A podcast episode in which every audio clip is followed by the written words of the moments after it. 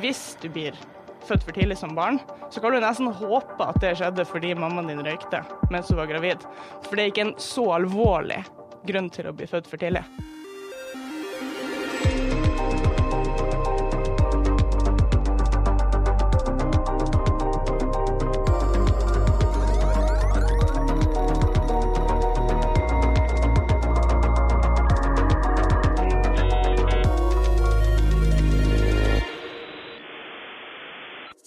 Velkommen til Dobbeltklikk. Mitt navn er Sebastian, og dagens gjest er Inga Strumke. Doktorgrad i fysikk, AI-rådgiver i PC, eh, PFVC. Og vi skal prate om eh, maskinlæring, eh, eller AI hvis du ønsker å selge, som du påpekte i din TEDX-talk, Inga. Ja, det stemmer. Eh, hvorfor sier du det? Um, det er kanskje fordi at uh, som en tidligere gjest av deg har påpekt, så er det lettere å selge ting og kanskje få forskningsmidler hvis man sier i disse dager at man jobber med kunstig intelligens. Det er ikke like sexy å si at man driver med avansert statistisk analyse. Nei. For hvordan vil du definere kunstig intelligens? Um, enten som tidenes samlebegrep, Ja. eller kanskje enda mer som alt det vi ikke forventa at en datamaskin skulle klare å gjøre. Fordi tenk at nå har vi datamaskiner som med høy grad av sikkerhet klarer å se forskjell på pandaer og uh, semitrailere. ja. Hvis en datamaskin hadde klart det for 50 år siden, så hadde man tenkt oi, wow, noen her har bygd intelligens og forståelse av verden. Ja. Men nå sier jeg nei da, det er bare et såkalt convolutional neural network. Det er bare noe å vekte. Det er egentlig en statistisk optimaliseringsalgoritme. Ingenting å være imponert over. Og sånn tenker jeg at vi egentlig skyver kunstig intelligens-begrepet litt sånn foran oss. Det er alltid det vi ikke helt har klart å oppnå. Fordi det har du sikkert opplevd sjøl, at idet du forstår hvordan noe fungerer, så slutter det å være magisk og mystisk. Det var veldig trist sagt, Inga. Bare oppklarende. I eh, disse dager, og for ikke å si i går, så kom digitaliseringsminister Nikolai Astrup med nasjonal strategi for kunstig intelligens. Eh, sammendraget som jeg sjøl har gjort, er at det dreide seg om ressurssenter, API-katalog, bedre utnyttelse av helsedata og etiske prinsipper. Hva får du ut av denne, eh, den her magasinet du har foran deg? Ja, ikke sant? For jeg har tatt med en til deg. Du Ja. var jo ikke der i går, men det var jeg Ja. på eh, Mesh. Og det var en fin lansering. Ja. Det må jeg bare få lov til å si. Han, eh, Astrup uh, åpna med noen fine ord. Og jeg har jo rukket å, å bla i den og lese litt. Grann, og um, det jeg får ut av den, er at jeg syns det, det er bra, fordi at den tar opp mange ting, om ikke si, alle de viktigste tingene vi burde fokusere på nå. Men så kan man jo så klart si at uh, den er såpass ambisiøs også at man kan lure på hvordan vi skal klare å gjennomføre de her tingene, særlig hvis det ikke kommer penger Ja. med intensjonene. Um, for så står det tidlig i strategien at det skal legges til rette for deling av data innenfor og på tvers av bransjer og sektorer. Og da, da tenker man jo først kanskje Yay, ingen kunstig intelligens, eh, eller i alle fall ingen maskinlæring uten data. Da er det bra at vi skal dele data. ja. Men alle som har jobba litt med kunstig intelligens, vet at det, det du må gjøre først, er å makke med tilgang til data, med å strukturere dataene, med å rydde i dataene, med å få behandlingsgrunnlag. Lenge før du kommer til det vakre punktet der du kan begynne å maskinlære på dataene. ja, for det må sorteres før AI-en spiser det. Ja, det er det ene. Ja. Uh, og det andre er at du må, du må rett og slett rent juridisk først eh, rydde opp, si nøyaktig hva som er formålet ditt med å bruke dataene. Uh, og så må du sørge for at du ikke bryter med personvern, grunnleggende rettigheter, at du oppfyller formålet ditt, at du ikke bruker mer data enn det du trenger akkurat for å oppfylle formålet som du definerte først. Det er mange ting som må komme i orden da. Det er ikke bare enkelt. Og, eh, og vi ser jo at rundt omkring i Norge så plages vi litt grann med det. Mm. Som du eh, nevnte, eh, så Eller som jeg nevnte, så hadde du en TEDX-talk eh, sent i fjor. Eh, Den åpna du med påstanden som kom fra en AI om at eh, barn som eh, blir for tidlig født, eh, har en bedre overlevelsesevne hvis mora røyker. Ja, eller større sannsynlighet for å overleve Ja. hvis mora røykte mens hun var gravid med ungen. Ja. Eh, hva, hva skjedde der? Ja, kanskje, ikke sant, for Når du hører det utsagnet, så tenker du det her er jo åpenbart feil. Liksom, Hva er trikset? Mm. Og trikset er da det at hvis en mor røyker mens hun er gravid, så øker hun sannsynligheten for at en unge skal bli født for tidlig. Ja. Så det, det betyr at hvis du blir født for tidlig som barn, så kan du nesten håpe at det skjedde fordi mammaen din røykte mens hun var gravid. For det er ikke en så alvorlig grunn til å bli født for tidlig. Nei, det er da blant de minst alvorlige grunnene til å bli født for tidlig, eh, hvis mora di røyker. Ja, er på en måte det man lærte der. det var det man lærte der. Um, men det beste hadde jo så klart vært å ikke bli født for tidlig. Det er noe å anbefale. Men tingen er at uansett hvor mye data og regnekraft du kaster på en kunstig intelligens eller en maskinlæringsalgoritme, så vil den ikke skjønne den her kausale sammenhengen. Det, det, når vi får det der 'å ja, det som er trikset', det vil liksom ikke dette ut av moderne maskinlæringsalgoritmer. Nei. Um, og derfor var grunnen til at jeg åpna den TEDX-talken med det, var jo fordi at jeg har lyst til å gjøre oppmerksom på at vi må fremdeles tenke oss om veldig nøye når vi følger de rådene som kommer ut av maskinlæringsalgoritmer, og at vi må prøve å forstå hva som egentlig foregår. Ja, for uh, det man kanskje skjønner her, eh, som menneske per i dag, er jo at man skjønner at det her var feil. Her har noe galt skjedd, men innimellom så vil det jo oppstå påstander fra da ja, der man kanskje ikke skjønner at noe galt har skjedd. Ja, det er um, Nå i, i det siste så har det blitt skrevet om det som kalles intellektuell gjeld. Okay. Det vet jeg ikke om du har uh, hørt om, Nei. men et, uh, et eksempel der er at Jeg trenger ikke mer gjeld. Nei, ikke heller. Jeg har studert. Eh, Nei, men et eksempel på det er at vi utvikla aspirin ganske tidlig. Mm. Og så skjønte man ikke helt hvorfor det fungerte, men det fungerte nå bare. Og siden vi visste at det på en måte, det var ikke noe gift i aspirin, og fordi at medisin er et av de fagfeltene der de har mest eh, erfaring med å teste, så testa de det på folk, så tenkte de hm, OK, det fungerer, og det er få bivirkninger. Vi bruker aspirin, selv om vi ikke vet nøyaktig hvordan det fungerer. Ja, for det gir resultatet? Ja, og typ 100 år etterpå, jeg tror det var i 95 eller noe sånt, ikke engang så lenge siden, eh, så skjønte de hvorfor aspirin fungerte. Da skjønte de mekanismene.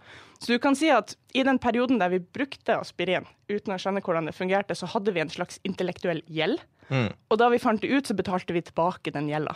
Ja. Og en frykt er jo hvis vi bruker kunstig intelligens som fungerer så bra at vi slutter å forske og slutter å spørre oss sjøl hva er mekanismene her, hva er det som skjer, Mm. så vil det hope seg opp veldig mye intellektuell gjeld.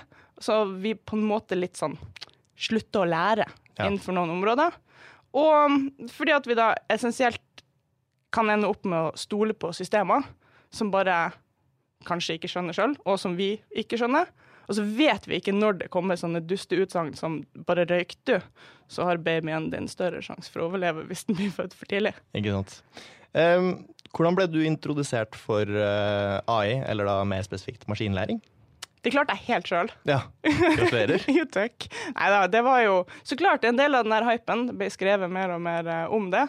Men jeg må få lov til å legge inn at uh, da jeg studerte for mange år siden på NTNU, så tok jeg et fag i sånn tradisjonell kunstig intelligens. Der man eh, programmerte håper si, intelligensen sjøl. Mm. Så programmerte jeg i et språk som heter LISP, som jeg aldri kommer til å slutte å elske. Mm. Men eh, så, fast forward i alle fall fem år, satte jeg meg en doktorgrad og prøvde å se forskjell på partikler. Eh, Sånne partikler som man kan lage på CERN, som oppstår i en detektor, Ja. um, men som har ganske mye rot med seg, altså ganske mye støy i mm. dataene, og partikler som etterlater seg signaler som ser altså bare klin like ut. Um, og det man typisk gjør når man prøver å se forskjell på partikler, det er å bruke statistiske metoder. Ja. Og jeg tenkte at her nå trenger jeg jammen en statistisk metode på steroider. Jeg har hørt om det her som heter maskinlæring. La oss prøve. Ja. uh, og da prøvde jeg maskinlæring på et problem, og det fungerte jo så klart så det suste. Så tenkte jeg at dette er et, dette er et bra verktøy, det vil jeg fortsette å bruke. Men siden jeg er fysiker, så har jeg også lyst til å forstå Ja. hva, hva som skjer her, hva algoritmen har funnet ut. Uh, og det er ikke så enkelt. Jeg vet fremdeles ikke hva den algoritmen så på mine to Higgs-posoner uh, som gjorde at den klarte å skille dem. Men den klarte altså det. Uh, Men så gikk du videre fra å jobbe med partikkelfysikk Eh, og da mer med folk og AI. Ja, jeg kommer videre i livet. Ja, gratulerer igjen. jo, takk. En liten modningsprosess der. Ja, eh, og i din TEDX-talk så eh, begynte du å beskrive det her Amazon-problemet som kanskje noen kjenner til, nemlig at eh, en AI fra dem eh, tok med seg eh, sine altså fordommer eh, Ja. fra dem som har utvikla programmet, og fra dataen den har henta. Hvis det finnes fordommer i dataen, så vil jo da A1 også bli fordomsfull eh, på mange måter. Ja, eller vi kan egentlig kalle det forutinntatthet mer. Ja, kling, klingende ord. Ja, OK. Eller så kan vi kalle det bias. Ja. Men i Norge så har vi ikke så lyst til å bruke engelske ord, har vi vel? Nei. så vi, forutinntatthet, det handler bare om at når du ber en, en maskinlæringsalgoritme om å se på data og lære seg hva som foregår der, så vil den klamre seg fast i alle de hintene den kan få fra dataene. Så hvis Amazon sier eh, hei, sjekk her, har du, en, har du masse data, lang liste over våre ansatte. Gå ut og finn en god ansatt til oss. Så har du egentlig sagt at de ansatte vi allerede har, det er gode ansatte. Ja. Hvis de fleste av dem er menn, eller de fleste av dem liker å spille si en typisk manneting, liker å spille Warcraft Det, ingenting er typiske manneting lenger. Nå er vi helt kjønnsnøytrale. Ja, unnskyld. OK, men tradisjonelt har det vært typiske manneting, da. Og siden maskinlæring er bygd på tradisjon, altså data fra fortiden, så kan den ikke gjøre så mye annet enn å prøve å finne det samme på nytt i fremtiden. Så det må vi være veldig bevisst på når vi bruker sånn her dataanalyse og tar databaserte beslutninger, så propagerer vi fortida inn i fremtida. Når du kaller det fordommer, så er det negativt ladd. Men egentlig så er det bare hint i dataene. Det er bare det det er. Så OK, for eksempel, hvis, um, hvis du søker om lån i en bank, så kan du si at det er veldig urettferdig om det skal ha noe å si om jeg er kvinne eller mann. Mm. Eh, det, det, det burde det ikke. For det, hvis, hvis du favoriserer menn, så har du fordommer mot kvinner. I utgangspunktet for banken sin del bør det jo også bare handle om du har betalingsevne. Ja, men det er akkurat det der det du nevner med betalingsevne. Da har du jo fordommer mot folk som har dårlig betalingsevne. Det er klart. Det er jo sånn man driver bank. Det er sånn man driver bank, det, men det er sånn man driver maskinlæring òg. Man ser tradisjonelt hvem har betalt best. Ja. Og hvis tradisjonelt menn bare har fått flere lån, så har de betalt ned best. Og da kan vi konkludere med at menn har bedre betalingsevne. Or Eller det er noe historisk som foregår. Ja. Men det, ordet fordom er bare tenker Det mm, drar diskusjonen litt bort fra det vi burde diskutere. For hvis du sier at en kunstig intelligens er fordomsfull, så høres den slem ut. Men den Ja. er ikke slem. Da skal jeg prøve å eh, erverve uttrykket forutinntatthet. Ja, Ja, Fint veldig ord. vakkert. ja smak litt på det. Jeg Øv, øv litt. Eh, Blackbox blir nevnt i hytt og pine når jeg hører om eh, kunstig intelligens. Ja. Og det blir ofte da, som sagt, assosiert med forklarlighet. sant? Eh, Det kommer et resultat fra AI-en. Eh, Vi må helst vite, eh, som du har nevnt, hvordan den kom fram til det svaret. Ja, øh, nå må jeg kanskje nevne at innenfor data science communityen, altså de, de der ute som bygger maskinlæringsmodeller, så er det, det er nyanser av mening innenfor det her, og det, det, det er strid og uenighet. Ja. Må vi egentlig vite? Må vi kunne forklare? Det, det er et åpent spørsmål. I AI-strategien så står det at um, oh, Hvor står det, da? I alle fall et eller annet om at uh, innsyn og transparens er viktig og Ja. påkrevd. Det er jo blant, eh, blant egentlig blant de etikk, eh, Ja. etikkpunktene så er det KI-baserte systemer må være gjennomsiktige. Der har vi det, ja. Og da um, OK, gjennomsiktig kan du si det er det motsatte av en black box. Um, men vi må holde tunga litt rett i munnen her, fordi black box det kan bety en proprietær modell. Altså en modell som du har betalt et firma mange penger for å lage, Mm. og som firmaet så klart ikke har lyst til å gi deg detaljer om. For da gir det deg detaljer om forretningsmodellen sin. Så det kan godt hende at det firmaet bare har uh, laga to if-setninger. Altså if mann, så ja. If kvinne, så nei. Ja. Uh, det kan hende. Det vet du ikke. Vi kaller det en svart boks, en black box, fordi at firmaet ikke trenger å fortelle deg hvordan de, hva som er deres forretningsmodell. Okay. Det eneste du kan gjøre da, det er å teste boksen og se om den fungerer for deg. Ja. Men det kan godt hende at det er noe uetisk eller feil, eller bare ikke så veldig imponerende og verdt pengene som foregår i den boksen. Mm. Eller en annen type svart boks, det er jo da de her eh, dype nevrale nettverkene, eksempel, som vi, der det ikke foregår noe hemmelig, der vi kan lese ut alle parametrene. men der vi rett og slett ikke klarer å lage forklaringsmodeller. Ja. Fordi at det er så komplekst og unnskyld uttrykket høydimensjonalt, det som foregår.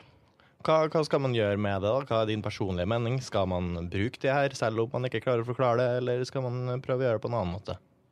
Eh, Det er, et, eh, altså det er jo the million dollar question mm. i dag. Så ja, spørsmålet er skal jeg la være å bruke alt jeg ikke forklarer. Skal jeg være redd for alt jeg ikke forstår? Ja. Og jeg mener at historisk så kan vi jo si at nei da, det går fint så lenge vi tester veldig veldig nøye og vet hva vi skal teste for og har gode sikkerhetsmekanismer på plass. Mm. Så kan vi bruke ting som vi ikke forstår ennå.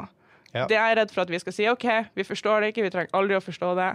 Null stress. Stort sett så baserer vi oss mye på altså, vitenskapelig metode, teknikk, empiri. Vi gjør noe fordi det ser ut til at det funka før, men så blir det motbevist. Sant? Og korriger meg gjerne hvis jeg tar feil, men så vidt jeg vet, finnes det jo flere ledende teorier på hvorfor et fly flyr. eh, Og ingen, er altså, ingen av de er fasiten, men man kan på en måte ikke slutte å fly bare for at man ikke er helt nøyaktig sikker på hvordan et fly flyr.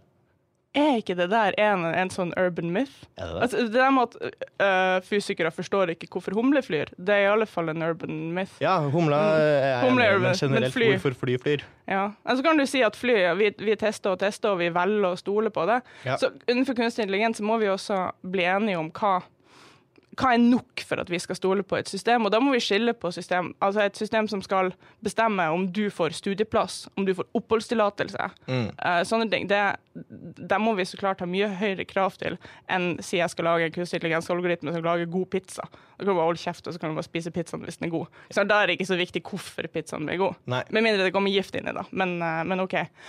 Um, men det er artig at du nevner en vitenskapelig metode, fordi vår, altså mennesker sin moderne historie handler jo om at vi tar ting vi ikke forstår, og så poker vi på det og Ja. undersøker det til vi forstår det. Og det som, det som er spesielt innenfor kunstig intelligensforskning, det er at det har beveget seg rasende fort bort fra akademia og inn i den kommersialiserte verden. Mm. Google, Amazon, Facebook, Microsoft, som tjener mer penger på at ting funker, enn på at vi forstår ting. Ja. Så jeg har nok en liten bekymring i magen for at denne, det ønsket om å betale ned den intellektuelle gjelda vi har, Mm. eh, blir mindre og mindre. For det får du ikke penger for. Du får penger for å selge ting som fungerer. Nei. Der tenker jeg, der må vi ta et lite idealistisk ansvar. Prøve å forstå hva som foregår. I TEDX-talken din så nevnte du også at eh, menneskehjernen tenker annerledes enn AI. Ja, Og så dro du fram noen eksempler med uh, bl.a. sjakk. eh, og at eh, en AI fort lærte seg å bli bedre enn de, våre aller beste sjakkspillere i sjakk. Eh, men at da noen sjakkspillere kunne lære igjen av AI-en og bli bedre sjakkspillere som et resultat av at AI-en har forbigått dem. Ja, nå tar, tar du opp mange. Ja. Mange, mange ting. Mange ting. Ja. Ok, så det, det jeg sa, det er at vi mm, når vi, uh, når vi utvikler maskinlæringsalgoritmer, så lar vi oss noen gang inspirere av hvordan menneskehjernen funker. Mm. F.eks. bildegjenkjenningsalgoritmer. Den, deres arkitektur, altså hvordan de ser ut, det er faktisk inspirert fra hvordan ting går fra synsnerven og bak i hjernen vår. At helt fremst så kjenner kanskje hjernen igjen eh, prikker og streker og sånne ting, og lenger bak så kjenner vi igjen øyne og nese og sånt hvis det er et ansikt vi ser. Okay. Så, det, er, um, så vi, det jeg sier at vi prøver å etterligne det, men vi har likevel ikke klart å etterligne menneskelig forståelse og intuisjon. Um, og et eksempel på det er at hvis du viser en fireåring, eh, eller kanskje de er enda yngre når de skjønner det Hvis du viser en kid mm, fem katter Generelle begrepet kid. det generelle- ja, Hvis du viser en unge som ikke har sett katter før, hvis du viser han fem katter, Ja. så utvikler han en sånn konsept katt i hodet sitt. Så kan du vise han en katt med en helt annen farge, fra en helt annen vinkel, og så forstår han og det der er òg katt. Ja. Mens maskinlæringsmodeller trenger eh, kanskje en million katter for å klare å lære seg det. Så det er i alle fall en fundamental forskjell da, Ja. i hvordan vi lærer det. Vi, mennesker har fremdeles et fortrinn. Vi er bedre å generalisere. Okay. Men det her med at maskinlæringsmodeller lærer annerledes enn vi, det betyr også at de kan gi oss en sånn et sånn uh, second set of eyes, Ja. ja. på norsk. Altså et, et annet perspektiv på verden, da. Og, og jeg synes at uh, AlphaZero er et kjempebra eksempel på det. For det er en algoritme som lærte seg å spille sjakk. Og har slått verdens beste sjakkspillere. Eller jeg syns faktisk Deep Blue er enda mer imponerende, fordi Deep Blue slo jo og hva han heter, Kasparov. Mm. Og det, det, som var, det som er spesielt med det, at Kasparov hadde Ikke bare hadde han aldri tapt mot en maskin, han hadde aldri tapt et spill. Hadde, mot et menneske eller noen ting. Han var ubeseira. Det måtte en datamaskin til for Ja. å slå ham. Og han sa at han var så skuffa og nedslått etter den matchen at han Altså, det gjorde fysisk vondt. Han brukte lang tid på å komme over det. Men det som gjorde at han kom over det til slutt, sa han, det var at han forsto at kunstig intelligens, eller bare en statistisk optimaliseringsalgoritme, vil alltid slå mennesker i et lukka system. Ja. Det betyr systemet er et endelig antall trekk, så vil det det fordi at han, Jeg vet ikke hvor gammel han var, men han var, han var et titall antall år gammelt. Men en maskinlæringsalgoritme kan du jo trene i en million mennesketimer Ja. hvis, hvis du har nok regnekraft tilgjengelig. Så optimaliseringssystemer der vil kunstig intelligens bare slå oss. Og det kan jo vi bruke til å finne en veldig god samarbeidspartner i kunstig intelligens. Mm. Så jeg er jo veldig sånn pro kunstig intelligens, da. Vi må bare gjøre det riktige. Passe på at vi har de riktige sikkerhetsmekanismene på plass. Ja. Autonome biler og sånn er jo veldig i, i vinden, og som jeg syns er et godt eh, eksempel på eh, et punkt der vi enn så lenge er bedre enn AI-en. Eh, enn så lenge så er jo folk flinkere til å kjøre bil, i hvert fall de som er våken og oppegående og har førerkort. Er flinkere til å kjøre bil enn de aller fleste AIA er. er. Enn så lenge. Men hvis, tenk, tenk på bilkjøring. Hvordan vil du ha forklart bilkjøring for en alien? Det er jo helt utrolig. Ja, OK, så jeg sitter i en sånn metallkasse på et tonn, og så står det noe skilt, og så skal jeg lese av skiltene hva jeg har lov å gjøre. Og så bare stoler jeg på at alle sammen rundt meg følger de reglene og ikke dreper meg. Ja. Og vi har klaring på ca. en meter. Det er jo masse sosial dynamikk i bil, vet du. Det er ikke bare Bilkjøring er så interessant hvis du tar på deg AI-brillene dine og tenker over det. Ja. Men nu, når vi snakker om selvkjørende biler, det eneste jeg klarer å tenke på nå om dagen, det er at Tesla kjører rundt med de der kameraene sine som bare slår seg på hele tida, og egentlig samler inn data om nordmenn, norske kjøremønstre, av veiene våre, sender det gratis til USA, og så eh, effektivt da selge tilbake våre data til oss i form av en eh, bilkjøringsalgoritme. Så jeg er litt hissig om dagen på eh, selvkjørende biler. Ja, du vil ha de her pengene til Norge, du. Altså, Nå sliter vi jo med finansiering på AI-fronten, så jeg vet ikke. Skattlegge data som går til utlandet. For altså, hvis Data er den nye oljen, og data er diamanter, uslipte diamanter og det nye gullet, og i det hele tatt, burde vi jo skattlegge dem, åpenbart. Tusen takk for at uh, du kom, Inge. Skal det være siste ord? Tusen takk for at jeg fikk komme.